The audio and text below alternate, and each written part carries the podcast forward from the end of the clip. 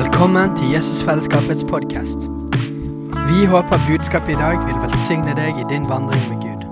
Og om du vil ha mer informasjon om menigheten, kan du gå inn på jesusfellesskapet.no.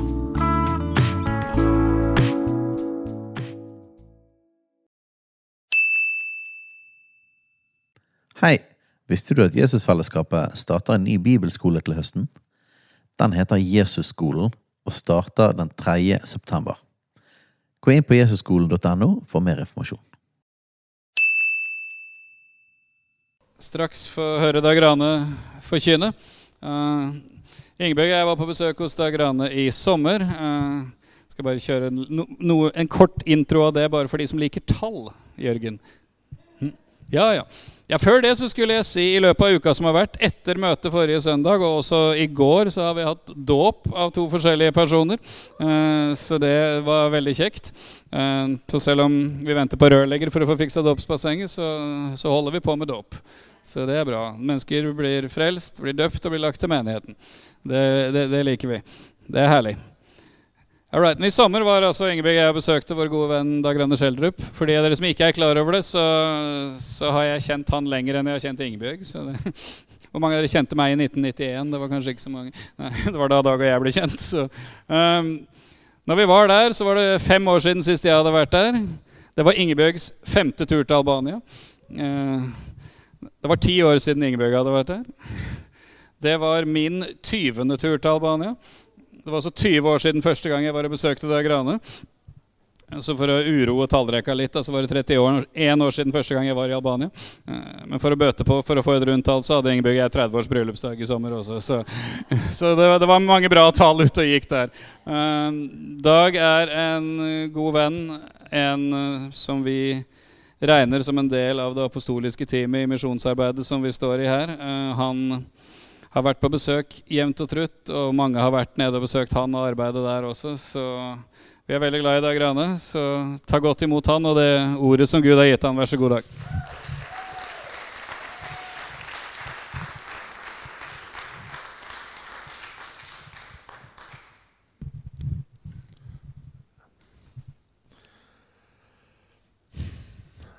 Eh, takk.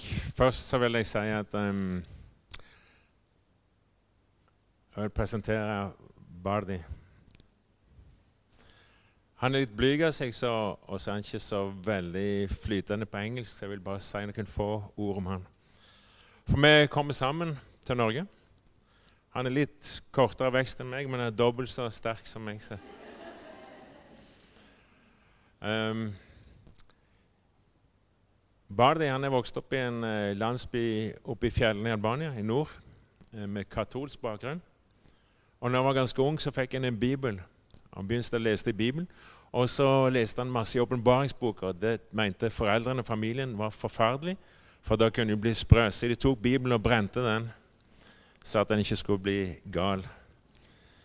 Um, kom fra en fattig familie. Fem uh, sterke mannfolk, brødre. Men de hadde ganske karrige kår. Så de kom ned til den byen der vi bor i, og der kom han i kontakt med menigheten og begynte å gå i menigheten hos oss. Men ganske snart så begynte han å reise ut av landet, reise til Hellas for å jobbe. For å komme seg opp, for å komme seg opp av fattigdommen. Og jeg tenkte at nå ble det bare mer, mer Hellas, og så etter hvert Tyskland og osv. Men her i vår så kom han tilbake fra Hellas, og så tenkte jeg en stund skal du ikke reise tilbake? Du blir jo her. Og så og var han med og arrangerte sommerleirer og turer til fjells. Vi drar på fjellturer ofte og klatre opp fosser og, og stryk og finne spennende ting i naturen. Og dra med oss mange ungdommer ut i, i naturen, og folk fra andre menigheter òg. Eh, så snakket man her for var det vel en måned siden, så sa jeg skal ikke du ut og reise igjen? Du har blitt der lenge nå. Nei, eh, han har funnet at det med penger og sånt er ikke alt i livet. Nå må han virkelig finne ut hva Gud vil med livet sitt. Og her For tre-fire uker siden så var jeg i bønn med en annen fyr. og Så så jeg en visjon av meg og han i Norge, reiste rundt omkring i Norge sammen. Så tenkte jeg dette hadde jeg ikke tenkt på før. Så spurte jeg har du lyst til å bli med til Norge. Ja, han hadde hatt lyst til det lenge, men ville ikke be meg om det. for ikke, Han ville at jeg skulle høre fra Gud sjøl om det. Så sånn er det ordnet seg at han er med. Vi skulle komme med samme fly for halvannen uke siden, men flyet var overbooka, så det var, var en haug med folk som ikke fikk komme med. Så var det bare én billett som ble ledig. Så jeg sa at vi reiser sammen. Så sa jeg bare nei, du reiser. Og Det var hans første gang på fly, så jeg ville ikke la han reise alene. Men han, han sa til meg du reiser i dag. Og så kom han med på neste ledige fly. Det var ei, uke etter. Og så jeg fikk meg noen herlige dager helt alene på et torp i Sverige. Så det var Guds vilje og plan for meg og for oss. Men nå er han her. og et, par dager siden så var vi også på Vøringfossen sammen. og, og Han nøyste jo det. og Han opplever norsk gjestfrihet som fantastisk, fantastisk. En del av dere og mange andre har velsignet han så mye. og ja, Gud virker på dypet av livet hans. Han, han, er en, en herlig sjel, en ydmyk sjel. Har god forstand på folk. Han tjener sin. og Jeg tror ikke han har lyst til å si så mye sjøl, men nå ser dere her. Abadi, han, Gud har en plan med livet hans. Han bruker tida her i Norge for, for hans beste. So I am happy to be here.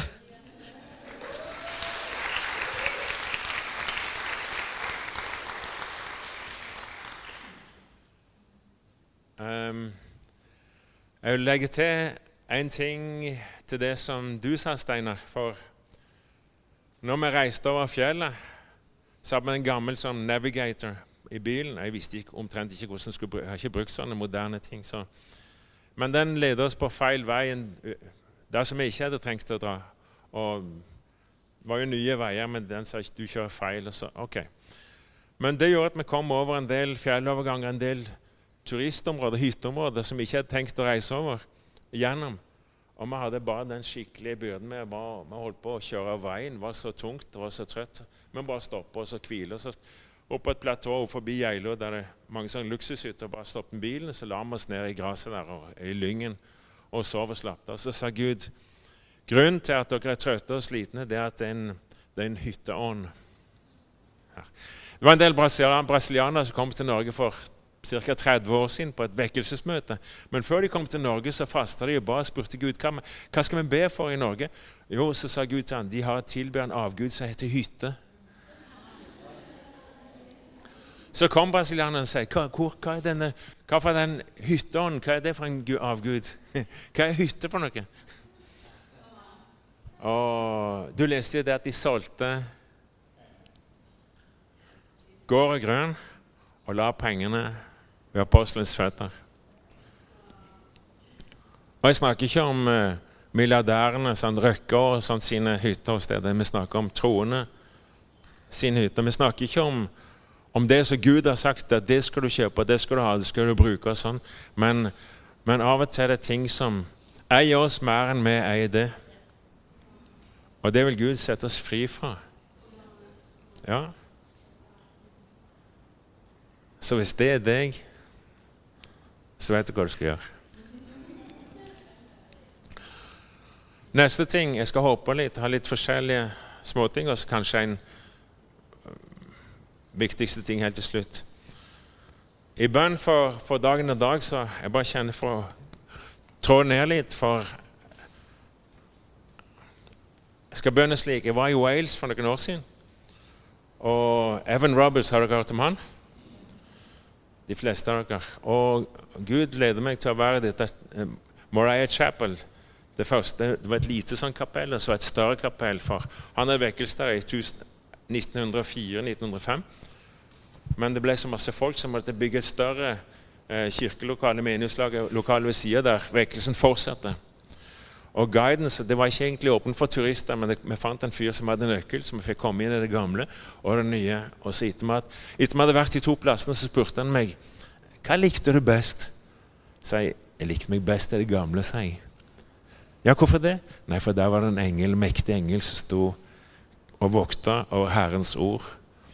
For det var mange av de tingene som ble bedt på den tida, som ikke hadde kommet til oppfyllelse med. Og nå er det over 100 år seinere, så venter han fortsatt på at det skulle skje at det skal komme til i fruition bli eh, henne de så at bedt og så proklamert ut. Og her jeg, jeg tenker spesielt på nå Marian, Maranata. Ikke så mye Farshuset. Beklager. Det, det er en vekkelsesånd. Det har vært grått og bedt og proklamert ut ting som ikke har skjedd. Og det er minst én en engel til stede her som har vært her i mange mange, mange, mange år. Så jeg bare kjenner jeg skal ære meg og Jeg kjenner jeg Det er ikke at jeg tilber engler, men dere er med på noe stort, og Gud har mange ting som han skal gjennomføre, som ikke har skjedd. Og jeg, jeg vil ære dere som har vært med på evangeliekirken, eller Maranata som holdt stand. Dere er helter, for Gud vil la det skje, det som Han har talt til dere og dere og de som var før dere. Bare ikke gi opp.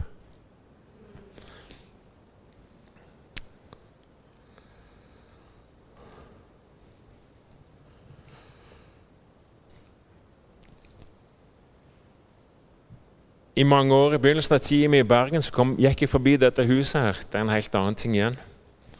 Så jeg tenkte, hva i all verden er derfor, dette for noe? Det ser ut som en kraftstasjon. Som en sånn kjempetrafobygg. Og Gud minte meg om dette i dag tidlig igjen. at ja, det er en kraftstasjon. Det vært bygd for å være en kraftstasjon. Som en powerhouse. Men ikke for at alt skal samles her men for at det skal være en kraftstasjon for, som skal overføre himmelskraft til mindre kraftstasjoner rundt omkring, som igjen skal forsyne familier, individer og businesser og skoleklasser og andre ting. Så jeg vil bare gi ut det.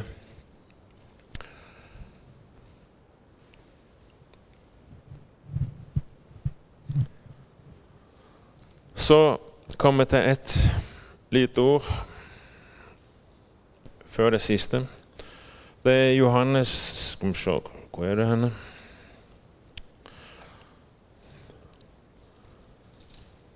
Johannes 12.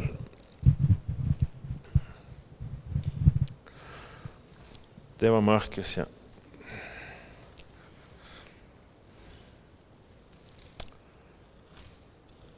Der var det. Ok. Jeg skal lese bare noen få ord eh, fra, fra vers nå i begynnelsen. Fra vers 9, 12, 9, Det ble kjent i den store mengden av jøder at Jesus var i Betania. Nå kom de dit, ikke bare for hans skyld, men også for å se Lasarus, som han hadde vekket opp fra de døde.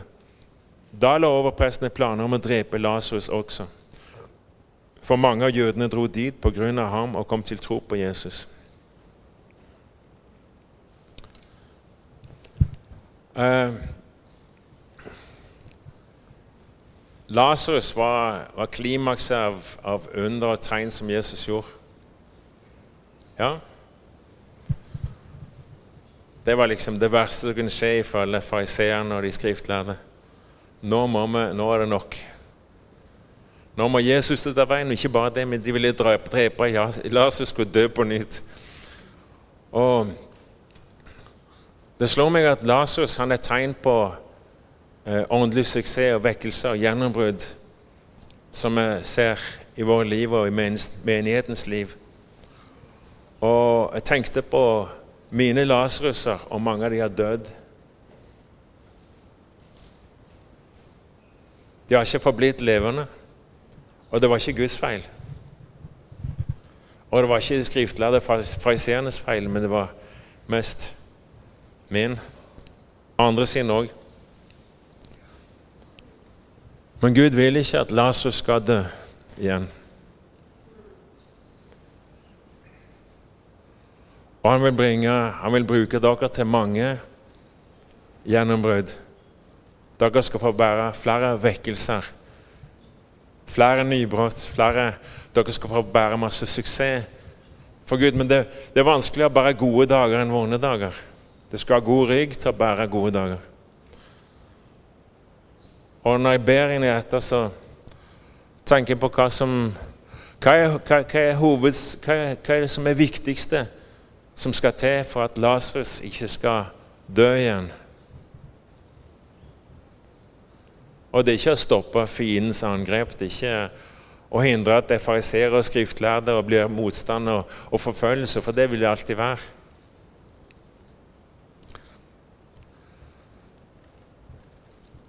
Jesus sin tale til Peter helt på slutten. Dere kjenner en historie. sant? At Jesus sier til han, 'Elsker du meg?' tre ganger. Og så kommer kallet til å være leder for lam og sauer. Og så, så kaller han han til å legge ned livet for seg. Og så ser Peter til, på Johannes og sier at Johannes følger han. Så sier Peter, 'Hva skal skje med han?' Så sier Jesus, 'Det raker ikke deg hva som skjer med han. Du skal følge meg.' Så Han har kalt han til å lede, men det er en ting som er viktigere, og det er det første kallet. Følg meg. Eller som Paulus sier til menigheten i Efesus nå, han har ikke tid til å gå inn til byen, for, dra inn til byen, man møter dem utenfor byen, for han skal til Jerusalem, så sier Paulus til lederne ta vare på dere sjøl og på flokken for Guds flokk. Ta bare Pass på dere sjøl, på deg sjøl.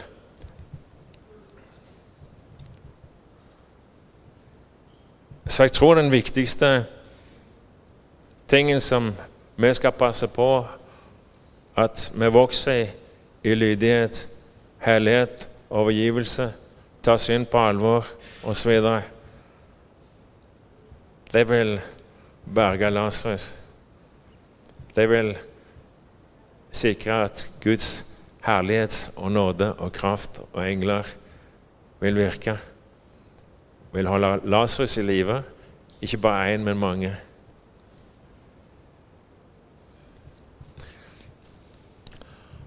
Så vil jeg si en ting til, en kort ting til, hovedsakelig til dere fra Maranata, men så er jeg blitt en del også av denne menigheten. Det er et vers i åpenbaringsboka, 2,8, så står det at du har liten kraft, men du har holdt fast på mitt, på ord, på mitt ord, og jeg har satt foran deg ei åpen dør. Jeg er ikke overrasket om det ordet har blitt sagt til eh, evangeliekirka mange ganger før, men det er fantastisk å være en del av den menigheten som kom før, før Laudikea-menigheten. Så ble lunken. Og, det, og, den koblingen av de to menighetene sammen, det gjør at, at den arven får bli båret videre. Og at det er et vern mot å komme inn under den lunkne Laudikea-menigheten. Gud har satt foran dere en åpen dør. En åpen dør går på en åpen dør oppå. sant?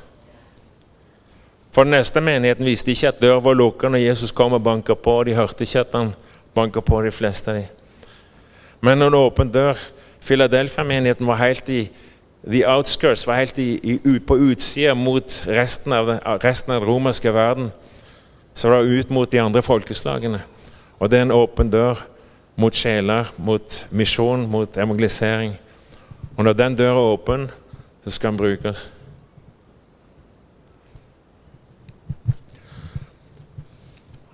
Ok, nå går vi til hovedsaken. Vi snakker om to ganger, to, to ganger som Jesus ble salvet. Jeg hadde tenkt til i går kveld så jeg tenkte et totalt annet budskap. Jeg nevnte det for Fredrik, han er godkjent det, men så fikk jeg noe annet i dag tidlig. Eh, vi skal lese versene før det med Lasarus som de ville ta livet igjen. Og så skal vi lese om ei annen dame etterpå det. Fra vers 1, kapittel 12. Seks dager før påske kom Jesus til Betania, der Lasarus bodde, han som Jesus hadde vekket opp fra de døde. Der ble det holdt et festmåltid for ham. Martha var stått opp, og Lasarus var blant dem som lå til bord sammen med ham. Da kom Maria med et pund ekte, kostbar nardusalve, og med den salvet hun Jesu føtter og tørket dem med håret sitt. Hele huset ble fylt av duften. Da sa Judas Iskariot, en av disiplene, han som siden forrådte ham, hvorfor ble ikke denne salven solgt for 300 denar og pengene gitt til de fattige? Dette sa han ikke fordi han hadde omsorg for de fattige, men fordi han var en tyv. Det var han som hadde pengekassen, og han pleide å ta av det som lagt i den. Men Jesus sa, la henne være. Hun har spart salven til den dagen jeg skal begraves. De fattigere har dere alltid hos dere, men meg har dere ikke alltid. Og Så leser vi historien fra Markus 14, 3-9. Vi kunne valgt Matteus òg, men nå velger vi Markus Og det er en annen setting. En del teologer mener at det er samme tingen, men de har blandet bare sammen litt sånn tall og dager. Og, for det skjer i Betania, og det skjer like før Jesus skal dø og gravlegges. Men dette er en annen ting. Markus 14, 3-9. Jesus var i Betania hos Simon den spedalske. Det er jo et annet hus. Mens de lå til bords, kom det inn en kvinne med en albastkrukke med ekte og kostbar nardussalve. Hun brøt krukken og helte salven ut over hodet hans. Noen som var der, sa forarget til hverandre. Hva skal denne sløsingen med salve være godt for? Salven kunne vært solgt for mer enn 300 denar og pengene gitt til de fattige. Og de snakket strengt til henne. Men Jesus sa, la henne være. Hvorfor plager dere henne? Hun har gjort en god gjerning mot meg. De fattige har dere alltid hos dere, og dem kan dere gjøre godt mot så ofte dere vil. Men meg har dere ikke alltid. Hun gjorde det hun kunne. Hun har på forhånd salvet kroppen min til gravferden. Sannelig, jeg sier dere, overalt i verden hvor evangeliet ble forfylt, forkynt, skal også det hun gjorde, fortelles til mine om henne. Ok, ser vi at de to tingene er forskjellige hendelser? Ja. Det ene var hvor mange dager før? Seks dager før. Den andre gangen var hvor mange dager før? To dager før. Begge, begge tingene skjedde i en landsby som heter Betania. Mens den ene skjedde i huset til Martha, Maria og Lasarus, mens det andre skjedde i huset til Simon den spedalske. Ja, Vi vet ikke noe mer om han. Den ene ble en gang salva ble, Hva slags kroppsdel ble salva seks dager før? Føttene. Og to dager før så ble hodet. Ok, Så det er forskjellige kroppsdeler og forskjellige dager. Og den ene ble salva av en person med navnet Maria, som Jesus elska spesielt høyt. Mens den andre gangen ble salva ei kvinne med et navn som vi ikke kjente. En person uten navn for oss. Reaksjonen på det som skjedde, var nesten den samme. Prisen var, omtrent den samme. De verdsatt til ca. i årslønn med dagens penger, som ble spolert, ble helt ut av Jesus i løpet av noen få minutter.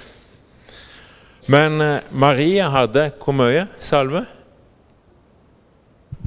Ett pund. Et visst mål. Kanskje 300 gram eller noe sånt. Men det er et visst mål med salve. Men den andre personen hadde ei krukke som var forseglet som var nødt til å brytes for at salmen skulle komme ut. Maria hadde et vist mål, men Jesus sa om den andre personen hun ga det hun kunne. Hun ga alt.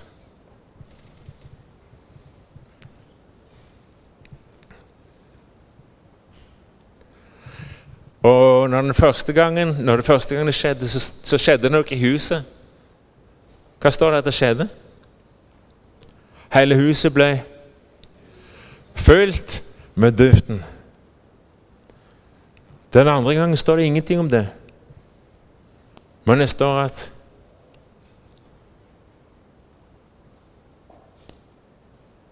det hun gjør, skal fortelles som et vitnesbyrd i hele verden. Huset ble fylt, eller hele verden ble kjent med det.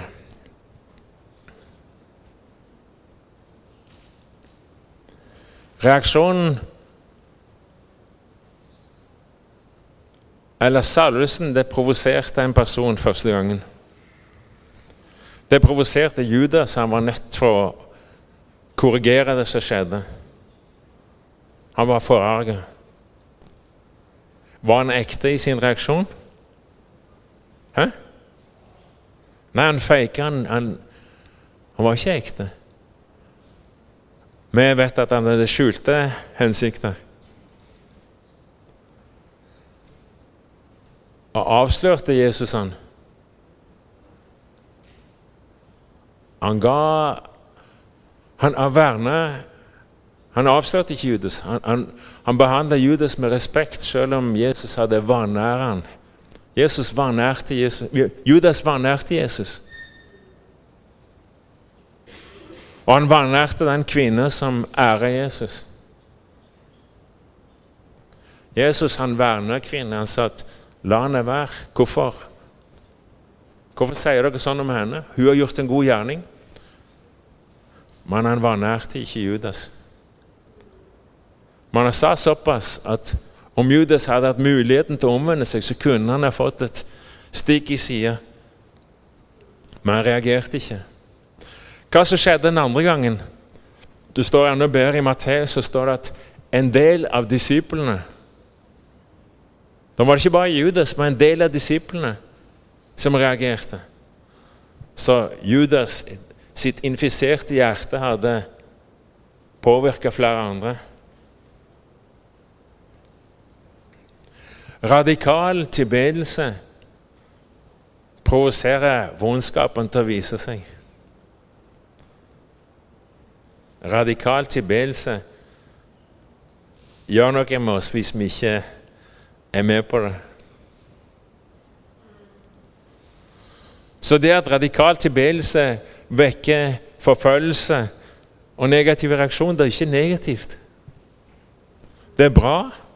Det er ikke forferdelig når det vonde viser seg. Det er bra at det må komme opp av gravene må komme opp av skjulestedene. For da kan en gjøre noe med det.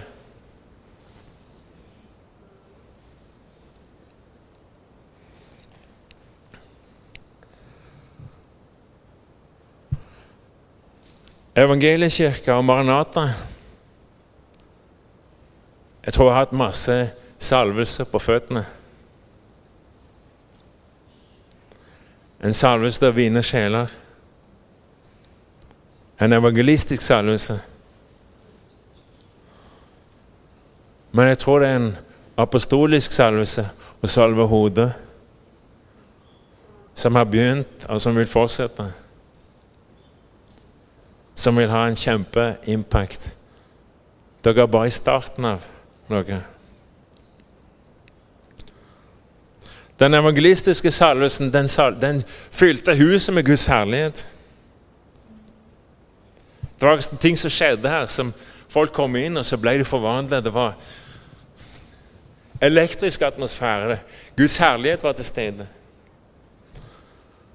Men den apostoliske salvelsen er ikke fornøyd med det. Den har hele verden som, som mål.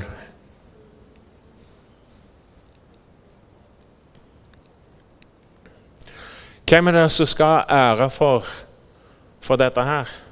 Er det en person som står på talerstolen, eller som misjonær en plass, eller Slett ikke. Eller en kjent pastor med navn eller har mange likes eller mange tilskuere. Man klikker på preiker eller meldinger? Nei. Maria er et kjent navn. Men den andre kvinnen er garantert Jeg kommer aldri komme til å komme i nærheten av hennes ære i himmelen. Ikke sjans. Ingen sjans. Jeg kan be og faste alt jeg vil. Og det er flere helter her inne som som er som henne. Eller i historien til den menigheten som har vært som henne. Uten navn. Ikke kjent. Vil heller ikke bli kjent. Ser seg ikke sjøl verdig til å bli kjent. Men i Guds rike, i Guds egner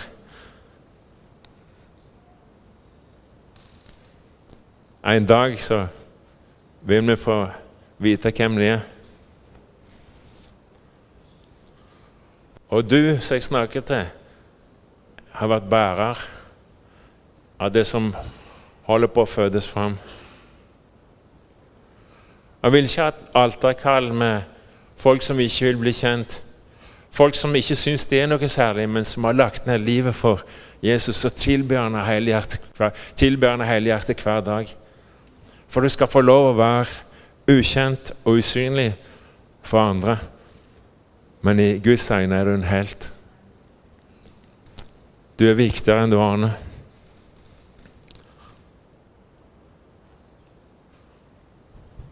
Jeg vil bare si fortsett. Fortsett. For du er utrolig viktig. Jeg er ikke det. Det er ikke det som er stort og synlig i verden, som er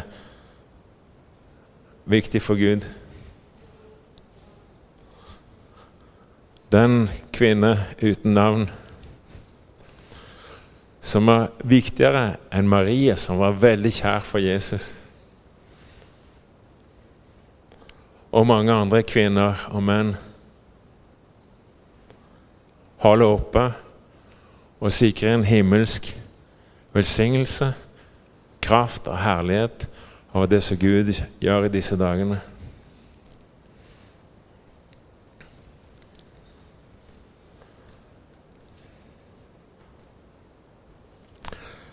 Så far, vi takker deg. Takker deg, far. For alle disse navnløse, Herre. Ikke at de ikke har et navn, men ukjente. Uten likes på Facebook, uten en nettside, uten, uten følgere på TikTok og andre ting. Som bare har en tjeneste skjulte framfor deg for din troende, far. Far, jeg ønsker sammen med deg å ære deg, far. Ære deg, Herre, og løfte deg opp, far. Takke deg for deg, far. Som holdt oss andre oppe, oss svake, skrøpelige kar med mange feil, Herre, far. Som faller så lett, far. Takk for alt de så trofaste, far. Som ikke syns så høyt om seg sjøl, men som hver dag legger ned livet, far og har lagt ned livet, far. Vi takker deg, far. Priser deg, far. Styrk deg, far. Oppmuntre deg, far.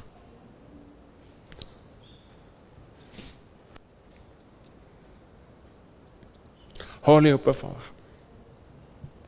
Forny deg, forfrisk dem, far.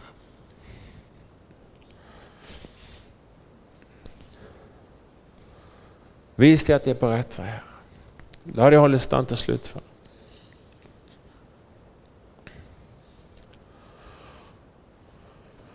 Far, jeg takker deg for den apostolske salvelsen som har begynt. Far. Begynt å flomme ned over hodet, Herre. Strømme ned over hodet. Takk for det, det som du forbereder her, den impakten som du vil virke her, ikke bare i dette huset, ikke bare i Bergen, men i nasjonene, far.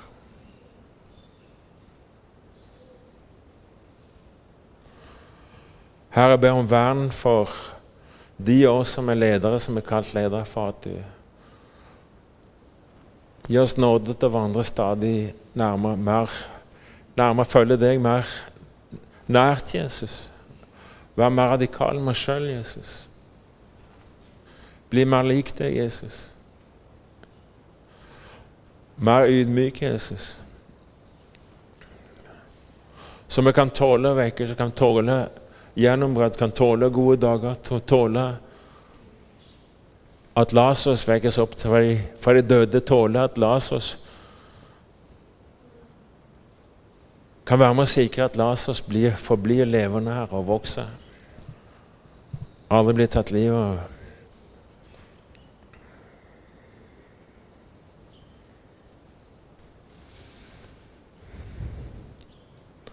At vi aldri blir for travle til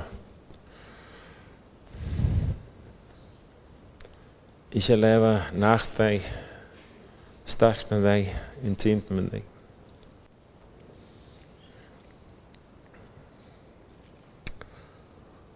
Far, jeg takker deg for det som er bedt ut, talt ut og profetert ut mange, mange, mange, mange år på dette stedet i Maranata i Frikirka før det, og som ennå ikke er oppfylt. Far, jeg ber om at du vekker de ordene til live, far. At du lar oss stemme med og proklamere og tale disse tingene ut her, for det skal skje, far. Takk for at du har sendt en engel som vokter over ditt ord, far. Vi bøyer oss for det ordet, far, over de ordene.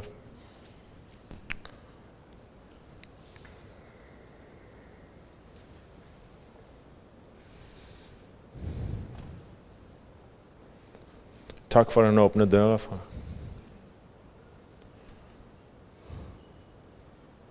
Gi oss øyne til å se den døra åpen. Gi oss vilje til å gå gjennom døra samme hva det koster.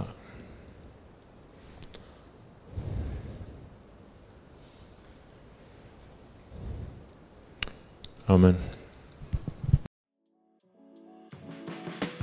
Hei, alle sammen. Det er Katrine og Steinar Lofnes her. Vi er hovedledere for Jesusfellesskapet. Så kjekt du har lyttet til denne podkasten. Har du forresten hørt noen av de andre podkastene våre? Ukens tale, Disippelskolen, Hyrdepodden, Kulturkrigen og Mammas hjerte. Du finner disse podkastene på Spotify, Apple Podkaster og på nettsiden vår jesusfellesskapet.no.